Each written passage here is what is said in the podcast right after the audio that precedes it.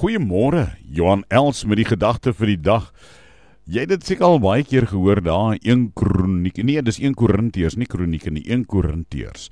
Daar staan 'n wonderlike woord in vers 9 van 1 Korintiërs 2 wat die oog nie gesien het en die oor nog nooit gehoor het nie. Wat in die hart van 'n mens nog nooit opgekom het nie, dit het God gereed gemaak vir die wat hom liefhet. Jou oog het al baie goed gesien, hè. Ek meen, jy nou deur jou lewe dink, wat het jy nog nie alles gesien en belewe deur wat jy gesien het? Wat het jy nie alles al gehoor in jou lewe nie? Dink nou aan die mooiste mooiste musiek wat jy dalk al gehoor het of uh wat dit ook al mag wees.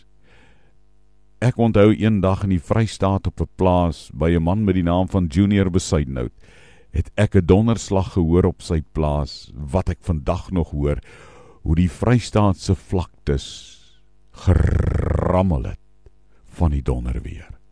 My ore het dit gehoor. En nog groter, magtiger klank as daai Vrystaatse donderslag wat die oor nie gehoor het. Wat in die hart van 'n mens nie opgekom het. Die dinge wat ek nog nooit bedink het. Het God gereed gemaak vir die wat hom liefhet. Here, dankie vir hierdie avontuur waarbinne ek as u kind mag lewe en weet die beste lê nog voor by u in ewigheid.